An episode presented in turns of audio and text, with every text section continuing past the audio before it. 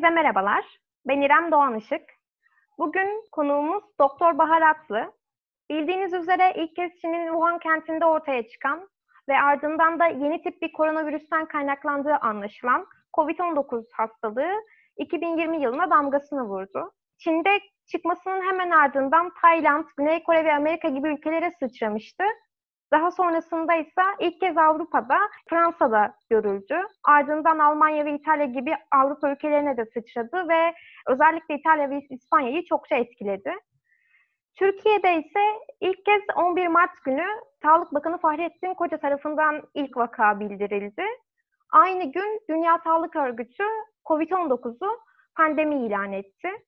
Bugüne geldiğimizde ise dünya çapında COVID-19 vaka sayısının 18,5 milyonu aştığını görüyoruz. Bahar istersen buradan başlayalım. Salgın bugün Tabii. dünya genelinde ne durumda? E, ikinci dalgadan söz ediliyor. Vakalar yaz başında biraz azalmıştı ama yeniden yükselmeye başladı sanıyorum özellikle Avrupa ülkelerinde. Bunlardan bahsedelim. Söz sende. Teşekkür ederim İrem. Ee, şimdi dünya genelinde senin de söylediğin gibi vakalar 18,5 milyonu aştı. Ölümler de 700 bini aştı. Ölümlerde birinci sırayı Amerika çekiyor. Amerika, Brezilya, Meksika sıralamasıyla gidiyor. Vaka sayısında da yine Amerika en başta. Amerika, Brezilya, Hindistan şeklinde ilerliyor vaka sırasında da. Avrupa ülkelerinde ve tüm dünyada yaz başında azalmıştı evet. Tedbirler daha sık uygulanıyordu. Sonrasında bir normalleşme süreçleri başladı vakaların azalmasıyla birlikte. Normalleşme süreçlerinden sonra da artık iyice yaz ortası ve insanların tatil ihtiyaçları, insanların biraz daha normale dönme isteği, insanların tedbirlerden sıkılmaları sonucunda şu an yeni bir artışla karşı karşıyayız. Buna ikinci dalga demek çok doğru mu? Bilmiyorum. Aslında ikinci dalganın bilimsel olarak net bir tanımı yok. Yani vakalar tamamen sıfırlandıktan sonra mı, tekrar artınca mı ikinci dalga oluyor? Yoksa biraz azaldığını gördüğümüz gibi tekrar artınca mı ikinci dalga oluyor? Bunu tam olarak üzerine anlaşılmış bir tanımı yok. Ama çok da azalmamıştı vakalar aslında. Kendi ülkemizden örnek verirsek. En düşük 700'leri görmüştük. Sonra 900'lerde seyretti. Dünden itibaren 1000'i tekrar aşmış durumdayız. Buna ikinci dalga mı demeli yoksa birinci dalga daha sönümlenmedi mi? Bu bir soru işareti.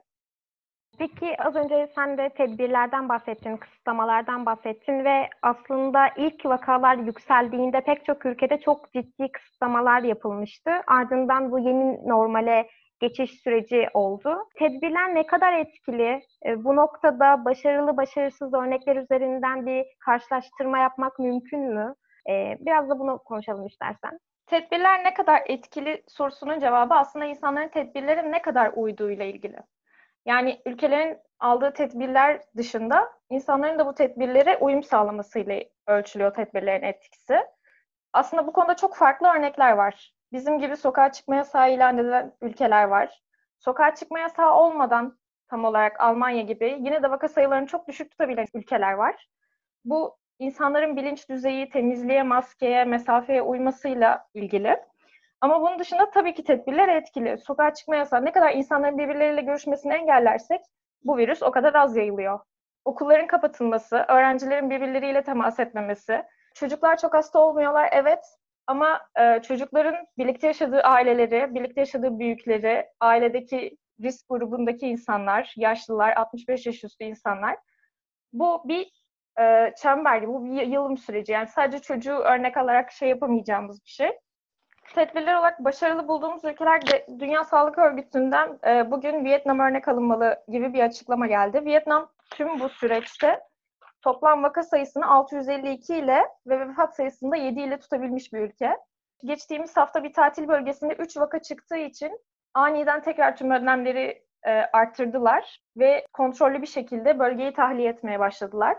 Bölgeden tahliye olan insanların sağlık durumları, sağlık formları e, alınıyor ve belli bölgelerde karantina uygulanıyor. Bu çok az bir sayı. Bu Dünya Sağlık Örgütü'nün de örnek gösterdiği bir ülke olduğu için bahsediyorum. Onun dışında Almanya tarama testleriyle, insanların tedbirlere uymasıyla çok örnek bir ülke. İlk zamanlarda ölüm oranlarıyla şüphe çekmişti Almanya'da aslında. Ama Almanya'da ilk bulaşan vakaların genç insanlar olduğu bir kayak merkezinde bulaştığı konuşulmuştu. Genç insanlara bulaştığı için de ölüm oranlarının bir miktar az olduğu konuşulmuştu. Onun dışında İspanya, İtalya çok iyi örnekler değiller. Zaten çok uzun süre çok katı tedbirler uygulamak zorunda kaldılar.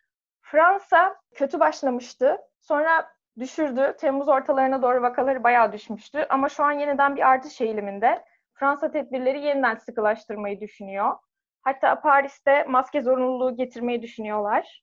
Ve bazı batıdaki tatil bölgelerinde şimdiden maske zorunluluğu getirildi. Peki bu ülkelerde okulların açılmasıyla ilgili bildiğimiz bir bilgi var mı senin bildiğin? Tabii ki var. Hatta salgın boyunca okullarını hiç kapatmayan ülkeler bile var. Ee, şu an okulları açık olan ülkeler arasında Danimarka, Norveç, Tayvan, Çin, İsveç gibi ülkeler var. Çin tabii ki kapatmıştı pandemi sürecinde ama sonrasında ilk açan ülkelerden biri oldu. Bütün okullarda maske zorunluluğu var. Ee, Güney Kore okulları açtı. Bir süre sonra vakalar sıçradı. Okulları tekrar kapattı. Danimarka'da okullar açık. Vakalarda çok büyük bir artış görülmemiş. Takibini çok iyi yapıyorlar. O yüzden okulları tekrar kapatmadılar. Almanya'da bu hafta birkaç eyalet açtı. Diğer eyaletlerde bu hafta açmayı planlıyorlar. Öğrencilerin fiziki temas kurması yasaklanmış. Ama ne kadar uygulanabilir bu okul içerisinde? Bir soru işareti. Öğretmenler biraz tedirgin. Çünkü az önce de bahsettiğim gibi öğrenciler sadece kendilerinden sorumlu değiller. Evlerinde görüştükleri aileleri ve çevreleri var. Maske zorunluluğu yok ama okullarında. Vakaların daha yüksek olduğu eyaletlerde maske zorunluluğu varmış. Ya bu daha çok ülkelerin, eyaletlerin e, kendi yönetimine bırakılmış bir süreç.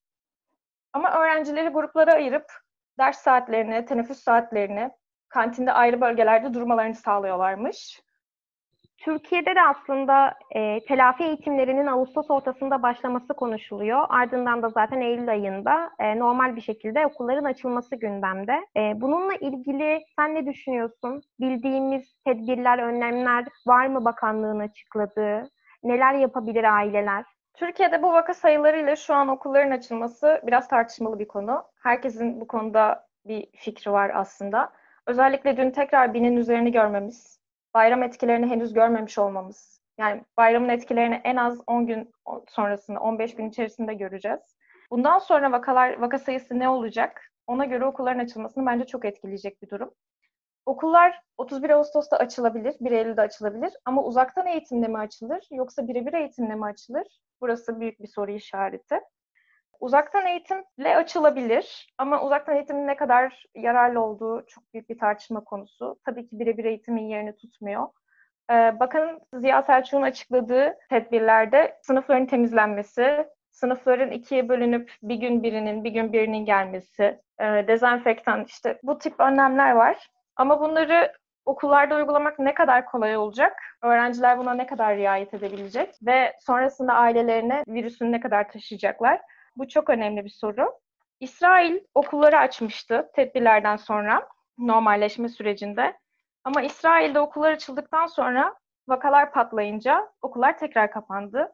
Yani birebir eğitim başlasa bile, yüz yüze eğitim başlasa bile bir kapanma ihtimali var. Bu tamamen salgının gidişatına bağlı, virüsün gidişatına bağlı. Bazı ülkelerde bazı çalışmalar yapılmış. 5000 kişilik bir üniversiteyi İngiltere'de nasıl açık tutarak eğitime devam edebiliriz üzerine. Ee, öğrencilerin her iki günde bir taranması, her dört günde bir taranması ya da haftada bir taranması üzerine bir çalışma yapılmış. İki günde bir taran, taranırsa vakalar çok az sayıda kalıyor ve temas ettiklerini hemen bulup enfeksiyon zincirini kırabiliyorsun. Ama bu sadece bir okulda iki günde bir taramak bile çok zor yani masraflı, aynı zamanda sürekli takip gerektiren bir şey. Bunu tüm ülkede uygulamak çok çok zor olur nasıl açılabilir? Bu sorunun cevabı önümüzdeki günlerde belli olacak. Bayram sonuçları çıkınca belli olacak. Aslında velileri endişelendiren bir şey de e, kış aylarının yavaş yavaş geliyor olması. Çünkü okullarda sonbaharda açılacak sonuçta ve kışın e, bu ikinci dalga ya da işte artık ne denirse vakaların tekrar daha yükselebileceği söyleniyor. Kış aylarında diğer hastalıkların da daha çok artmasıyla birlikte kapalı ortamlarda daha çok bulunmamız nedeniyle virüsün çok daha rahat bir şekilde yayılabileceği konuşuluyor.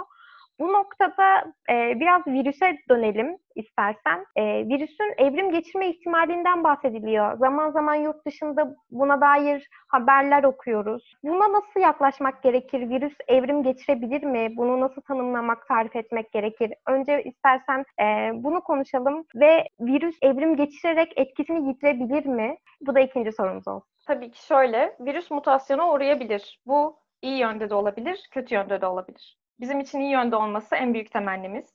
Aşıdan ve ilaçtan önce virüsün mutasyona uğrayarak bulaşının azalması.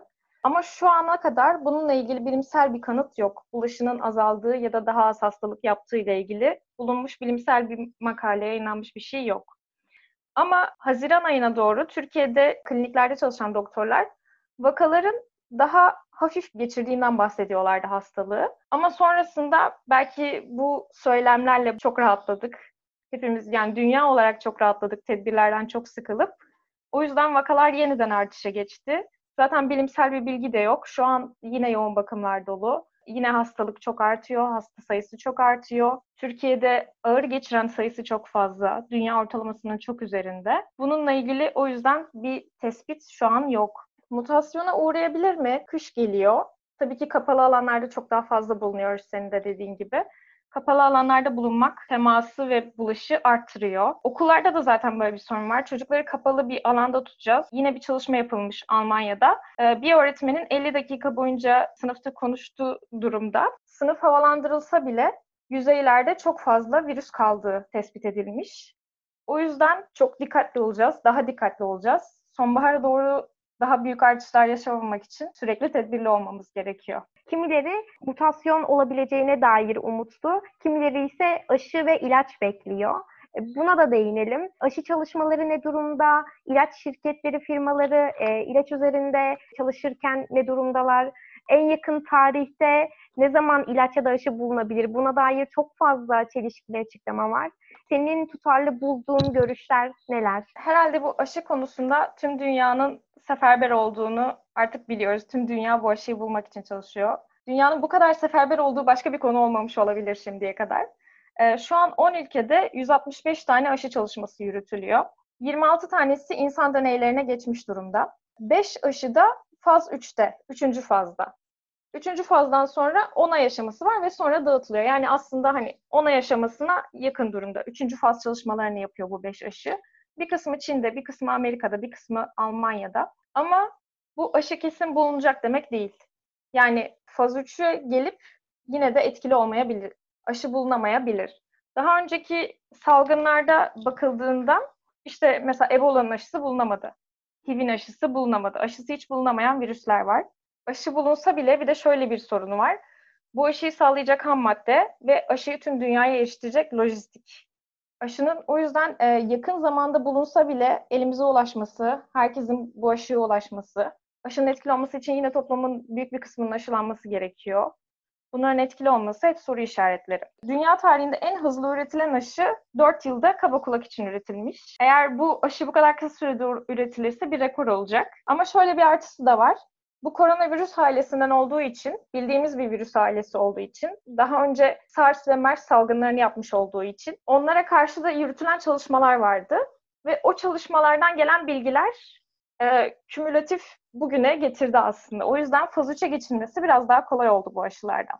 Onun dışında bu aşı çalışmalarında Rusya aşı Ekim'de hazır dedi. Geçen gün Sağlık Bakanı açıkladı. Ekim'de hazır olacak ve hemen aşılamaya başlayacağız dedi. En iyimser açıklamalarda 2021'in ortasını bulabilir diyor. Sanırım bu süreci yaşayıp göreceğiz. Dünya Sağlık Örgütü çok umutlu değil. Aşı hiçbir zaman bulunamayabilir. Sonsuza dek bununla yaşay- yaşamak zorunda kalabiliriz diyor. Yaşayıp göreceğiz herhalde. Evet içimiz karardı biraz. Bir yandan da aslında e, aşı karşıtlığı da var. Bu daha önce korona öncesinde de aslında çok ciddi bir problemdi. Hatta aşı karşıtlığının arttığına dair, çocuklarını aşılamayan ailelerin sayısının arttığına dair haberler ve istatistikler duyuyorduk biz. E, bunu da aslında sana bir doktor olarak e, sormak isterim. Aşı çıktığında bu aşıya güvenebilir miyiz? Ya da acaba ilk etapta gönüllü sayısı çok olur mu? Bunu en azından sen ne düşünüyorsun? Şimdi zaten aslında onay almış bir aşı çok fazla insanda denenmiş bir aşı oluyor. Faz 3 dediğimiz çalışmalarda en az 1000-3000 kişiye bu aşı uygulanmış ve etkinliği, güvenirliği, yan etkileri taranmış oluyor. Ben aşı çıksa yaptırır mıyım? Herhalde yaptırırım. Diğer tüm aşılarda olduğu gibi. Bu dünyada aşı karşıtlığı da aslında çok korkunç bir yere gidiyor. Çünkü aşı yaptırmayanlar aslında aşı yaptıranları da tehlikeye atıyorlar. Örneğin dünyada çocuk felci eradike edilmişti. Artık dünyada çocuk felci görülmüyordu. İşte kızamık gibi vakalar çok çok azdı. Aşı yaptırmayanlar ve bu dünyadaki göç hareketleri, savaşlara bağlı göç hareketlerinde kaçırılan aşılar, aşı takiplerinin yapılamaması bu vakaların tekrar görülmesini beraberinde getirdi. Aşılar aslında bizim bu sağlıklı bugüne gelmemizi sağlayan tıbbın müthiş icatları ama aşı karşıtlığı çok korkunç bir boyutta. Hatta bu aşı karşıtları aşırı sağcılar ve muhafazakarlar Almanya'da geçen gün cumartesi günü, geçtiğimiz cumartesi günü korona tedbirlerine karşı da bir eylem yaptılar. Sosyal mesafesiz, maskesiz 17 bin kişinin buluştuğu bir eylem oldu Berlin'de. Yani bu aşı karşıtlığı tüm dünyada aslında bir sorun ya da bilime inanmamak. Yani Türkiye'de çıkan haberlerde de vardı bu virüsü görmüyorum, virüs yok Sadece Türkiye'de değil, sadece Amerika'da değil, Almanya'da da var. Hatta İspanya'da Mayıs aylarında yine benzer bir eylem olmuştu hükümete karşı tedbirleri kaldırması için. Bunlar dünyada adı Covidiot olarak nitelendiriliyor artık. Covid'e inanmayan insanlar komplocular var bir de tabii. Bu işte evet. yok ama ilaç satmak için yapılan bir şey vesaire diye. Aşıyı konuştuk ama e, ilacı atladık. İlaçlarla ilgili şu anda korona tedavisinde kullanılan ilaçlar e, ne durumdayız? Yeni geliştirilen ilaçlar var mı? Bununla ilgili ne konuşabiliriz? İlaç çalışmaları da devam ediyor aslında. Salgın başladığından beri Çin'de kullanılmaya başlayan ve sonra tüm dünyada da kullanılan belirli ilaçlar var. Ama aslında bu ilaçların ölüm oranları üzerinde net bir etkisi belirtilmemiş. Ölüm oranlarını azaltan tek ilaç şu an steroidler. Onlar da son durumdaki hastanın bağışıklık sisteminin aşırı yanıt vermesini engelleyerek ölüm oranını azalttığı biliniyor. Hidroksiklorokin neredeyse tüm dünyanın COVID tedavisinde kullandığı bir ilaç ve tüm tedavi buna dayanıyor. Ama bilimsel çalışmalarda, şöyle bilimsel çalışmalarda yansız yapılan e, plasebo kontrollü yapılan. Yani bir gruba veriyorsunuz, bir gruba vermiyorsunuz ama siz hangisine verip vermediğinizi de bilmiyorsunuz. Yani tamamen biası yok ediyorsunuz. Böyle yapılan çalışmalarda hidroksiklorokinin de etkisiz olduğu bulunmuş aslında. Ama elimizde aslında çok etkili bir ilaç olmayınca elimizdeki tüm şeylerle savaşmaya çalışıyoruz gibi bir durum. Ama ilaçtan önce belki Ebola'da kullanılan ilaçlar var bir de. Onlar kullanılıyor. Favipiravir Hepimiz artık adını öğrendik. Sanırım Türkiye'de de üretim başlayacak yakın zamanda. Aşıdan önce ve ilaçtan önce belki bulunabilecek diğer şey de antikorlar. Yani laboratuvar ortamında üretilmiş yapay antikorlar. Normalde antikorları vücudumuz virüsle savaşmak için bağışıklık hücrelerimizin ürettiği proteinler, antikorlar. Ee, eğer bunları laboratuvarda üretip hasta insanlara verebilirsek virüsü yenebilir miyiz sorusundan doğan bir çalışma bu da. Antikor çalışmaları da faz 2'de ama faz 2'de olmasına rağmen aşıdan belki daha önce bulunabileceği düşünülüyor. Antikorla ilgili de soru işaretleri var. İki tane farklı çalışma var. Ee, bir çalışmada hastalığı geçiren kişi de normalde bağışıklık kazanırız. Mesela kızamık geçirdik, ikinci bir kızamık geçirmiyoruz. Çünkü virüse karşı vücudumuz tanışıyor ve tekrar o virüsle karşılaştığında hemen cevap veriyor ve virüs vücudumuzda üreyemiyor.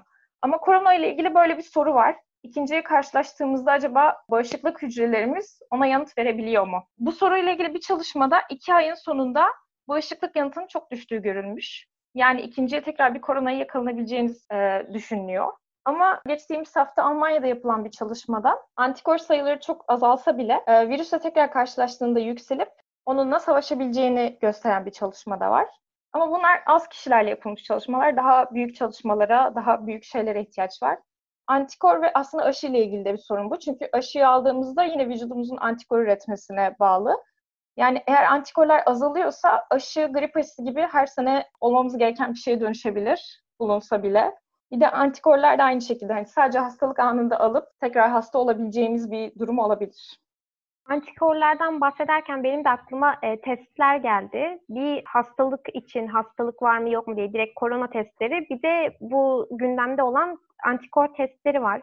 İkisinin farkı nedir ve hangisini yaptırmak e, normalde semptomsuz bir insan için e, belki daha mantıklı? Çünkü e, duyduğum kadarıyla şirketler antikor testleri yaptırmaya başladılar çalışanlarına. E, böyle birkaç fabrika duydum Bursa'da mesela. Bu noktada antikor testi yaptırmak e, bu tarz iş yerlerinde ne kadar mantıklı ve e, ne sıklıkla yaptırılırsa anlamlı bunu da sormuş olayım. Şöyle, e, şimdi aslında bu bildiğimiz PCR testi burnunuzdan ve işte ağzınızın arka tarafından örnek alınarak virüsün orada olup olmadığına bakıyor. Yani virüsün kendisine bakıyor. E, ama genelde PCR testinin semptomu olan, hastaneye başvuran bu insanlarda yapılıyor. Antikor testi, antikor virüsle karşılaşıp yani vücudun ona cevap üretmiş mi, üretmemiş mi ona bakıyor. İki tip antikor var. Bir tanesi IgM, diğeri IgG. Yani çok ayrıntıya girmeyeceğim ama bu ikisinin farkı önemli. Çünkü IgM o an korona geçiriyor olduğunu gösteriyor. Ama IgG korona ile karşılaştıktan 10 gün kadar sonra üretilmeye başlıyor. Yani geçirmiş olduğunu gösteriyor o da. Eğer e, mesela fabrikalarda antikor testi yapılması bu aslında salgının pik yaptığı dönemde de tartışılan bir konuydu. Şirketler antikor testi yaptırıp IgG'si gelişmiş insanları çağırsa ve çalıştırsa ilk etapta gibi bir soru vardı. Hani hem iş gücü kaybı olmasın, üretim bir şekilde devam etsin hem de o insanlar zaten geçirmiş olduğu, antikor geliştirmiş olduğu için tekrar riske atılmamış oluyorlar gibi bir soru vardı. Ama şu an e, ne kadar yaygın bilmiyorum. Türkiye'de bir antikor çalışması yapılmıştı. Sağlık Bakanlığı'nın yaptığı bir çalışmaydı. O çalışmada 10 binde 26 kişinin asemptomatik geçirdiği anlaşıldı. Yani 10 bin kişide 26'sında IgM rastlanmış. O an geçiriyor ama bilmiyor. Hiçbir semptomu yok. Bu aslında çok büyük bir rakam. Bu vakanın açıklandığı sıralarda Türkiye'deki aktif vaka sayısı 20 binlerdeydi. Ama bu çalışmaya göre 208 bin kişi asemptomatik geçiriyor demek 80 milyonda bunu. Yani aktif vaka 20 binlerde sanıyoruz ama 208 bin kişi çevrede dolaşıp yaymaya ve bulaştırmaya devam ediyor görüştüğü insanlara. O yüzden aslında antikor testleri çok değerli. Toplumda ne kadar yayıldığını gösteriyor. Bu tüm dünyada yapılıyor zaten bu çalışmalar ama çok yüksek oranlar değil. Yani bu sürü bağışıklığını da aslında anlamak için önemli bu antikor testleri. Ama en yüksek çıkan oranlarda %7, %9. Bunlar sürü bağışıklığı için çok az oranlar. Sürü bağışıklığının sağlanması için toplumun en az %70'i bu hastalığı geçirmesi gerekiyor. O yüzden yakın zamanda bir sürü bağışıklığı düşünülemiyor. Aşı umarım bulunur ya da umarım muta- virüs mutasyona uğrar ve bir an önce gider. Türkiye'deki bu araştırmaların sonucundan bahsettin. Aslında korona başından beri, korona ilk kez Türkiye'de tespit edildiğinden beri e, bakanlığın verileri sağlıklı bir şekilde, şeffaf bir şekilde açıklamaması da eleştiriliyor. E, örneğin şu anda biz ne il bazında, ne cinsiyet ya da yaş bazında e, bilgilere ulaşabiliyoruz. Bu noktada da e, Türk Tabipler Birliği de çokça eleştiri paylaşıyor ve eleştiri yöneltiyor bakanlığa. Bu eleştiriler neler? Hatta geçen hafta entübe ve yoğun bakım hasta sayısı verilmemeye başlandı ve ağır hasta tabiri kullanılıyor şu anda. Türkiye'de güncel durum ne ve Türk Tabipler Birliği ne diyor? Şöyle başlayayım. Türkiye'de güncel durum e, dün itibariyle bin vakayı aşmış durumdayız tekrar. Bu sayılar neden bu kadar çelişkili bulunuyor? Neden inanmıyoruz? Hani en başından beri bir inanmazlık vardı ama e, son günlerde devletin kendi verdiği sayılarla Sağlık Bakanlığı'nın yine kendi verdiği sayılar da birbiriyle iyice çelişmeye başladı. Örneğin 4 gün önce Malatya valisi Malatya'daki vakaların günlük yüzü aştığını söyledi. Sadece Malatya'da yüzü aşan vaka varken Türkiye'de açıklanan vaka 900'lerdeydi. Bakanlığın verdiği verilere göre bu bölgede açıklanan vaka ise 45. Yani ya Malatya valisi yanlış söylüyor ya bakanlık yanlış söylüyor. Türk Tabipler Birliği'nin verdiği sayılara göre Mardin ve Urfa'da yoğun bakım ünitelerinin dolduğunu biliyoruz. Diyarbakır'da günlük vaka sayısının 300'ü geçtiği söyleniyor. Urfa'da yine günlük vaka sayısının 350'yi geçtiği söyleniyor. Yani bu sayılar konuşulurken tüm Türkiye'de bin vaka açıklamak çok çelişkili duruyor. Bir de aynı şekilde şundan bahsetmek istiyorum. Dün haberlere de düştü. Ankara'daki hastanelere yeniden bir pandemiyle ilgili yazı yollandı. Pandemi ilk başladığında tüm hastanelerdeki servislerin büyük bir kısmı koronaya ayrılmıştı. Sonra vaka sayılarımız azaldıkça servisler normal işlerini yapmaya geri döndüler ee, ve korona hastaları azaldı. Ancak dün Ankara'ya yollanan yazıda hastanelerin tekrar servislerinin yarısını koronaya ayırmaları, bütün boş yoğun bakım ünite, ünitesi yataklarının yine koronaya ayrılması ile ilgili bir yazı gitti. Ama yine bakanlığın verdiği sayılara bakarsak bir harita yayınlıyor. O harita üzerinde böyle birkaç ili bir arada sayılarını veriyor. Görmüşsünüzdür mutlaka.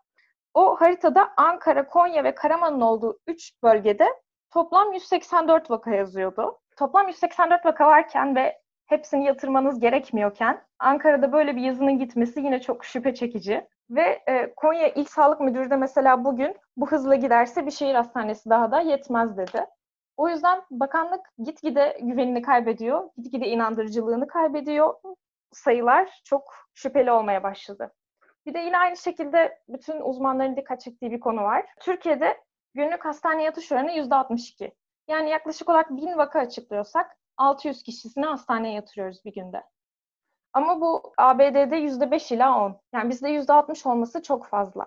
Yine yoğun bakım ünitesine yatışımız %12. Ama bu tüm dünya ortalaması %1, %2 maksimum. Bu demek oluyor ki işte biz sadece ağır hastalara test yapıyoruz. E zaten ağır hastalara test yaptığımız için de onları yoğun bakıma yatırmak zorunda kalıyoruz. Yani hafif geçireni ya da dışarıda asıl virüsü yayanı bulamıyoruz. O yüzden sayılarımız hem bu kadar yüksek oluyor hem de gerçek soruna odaklanmadığımız için salgın gitgide büyümeye devam ediyor. Ve aslında çok da ciddi bir problem. Ee, peki son bir soru. Ee, bunu gerçekten merak ediyorum. Diğer ülkelerde bu verilerin paylaşımı nasıl iyi böyle çok şeffaf ilerleten örnekler var mı? Bu da bir soru işareti. Almanya herhalde en başından beri güvenilir bakılan bir ülke veri paylaşımı konusunda. Bu konu çok tartışıldı aslında. Türkiye'de verileri düzgün vermiyor. Hani bizde testin negatif çıkan ama kliniği korona olduğu için korona gibi tedavi gören insanların sayısını hiç bilmiyoruz. Hiçbir zaman öğrenemedik. Muhtemelen öğrenemeyeceğiz. Bunları bildiriyor muyuz, bildirmiyor muyuz bilmiyoruz. Diğer ülkeler ne kadar bildiriyor? İşte dediğim gibi Almanya en güvenilir. Ama diğer ülkelerle ilgili de soru işaretleri tabii ki var. Örneğin İspanya son günlerde yine çok büyük bir artış yaşıyor. Dün 5700 yeni vaka açıkladı. Ama İspanya'daki e, geçtiğimiz haftalardaki duraksamanın sebebine de işte ekonomileri çok kötüydü. Biraz turizm canlansın, ekonomi canlansın diye vaka sayılarını manipüle edip düşük gösterdiler. Ve şimdi e, yeniden artışı durduramadıkları için artık açıklıyorlar gibi şeyler okudum onunla ilgili de. İspanya'da o yüzden soru işareti. İran yine aynı şekilde İran'la ilgili çok büyük soru işaretleri var. BBC'nin son e, haberinde gerçek ölümlerin 3 katı olduğu iddia ediliyordu. İran'da e, ayrıca Ruhani de bir konuşmasında İran'da 25 milyon kişinin korona yakalandığını ve gelecekte de 35 milyon kişinin yakalanacağını düşünüyoruz demişti. O yüzden İran'ın sayılarına da ne kadar güvenebiliriz hiç bilmiyorum. Salgının en başından beri Çin 3000'lerde vefat açıklamıştı. Ondan sonra salgın tüm dünyaya yayıldıktan sonra ve neredeyse kendi ülkelerinde bitirdikten sonra artı 1500 ölüm eklemişti. Sanırım dünyada kimsenin sayılarına çok şeffaf bir şekilde yaklaşamayacağız. Ee, çok güvenemeyeceğiz. Belki Avustralya ve Yeni Zelanda bu konuda daha örnek olabilir. Teşekkürler Bahar. Bugün seninle e, hem dünyada hem Türkiye'de korona gündemini konuştuk ve aslında e, sağlık konusunun e, ne kadar toplumsal olduğunu ve koronanın da nasıl bir halk sağlığı krizi olduğunu fark ettik belki konuşurken. Çok teşekkür ederiz katkıların için. Ben teşekkür ederim. Son olarak bütün o kısıtlamalara geri dönmek istemiyorsak lütfen maske, mesafe ve temizliğe dikkat edelim. En yüksek olduğu zamanlardaki gibi aynı titizlikle. Bir de ölen doktorları tekrar anmak istiyorum. İki gün önce yine 35 yaşında bir psikiyatri uzmanını ve dün de bir kadın doğum uzmanını kaybettik profesörlerimizi, Cemil Taşçıoğlu'nu, ilk zamanda ölen bütün profesörlerimizi çok andık. Ama hala sağlık çalışanları şehit olmaya devam ediyor. Ne kadar şehit kabul edilmeseler de onları da anmak istiyorum.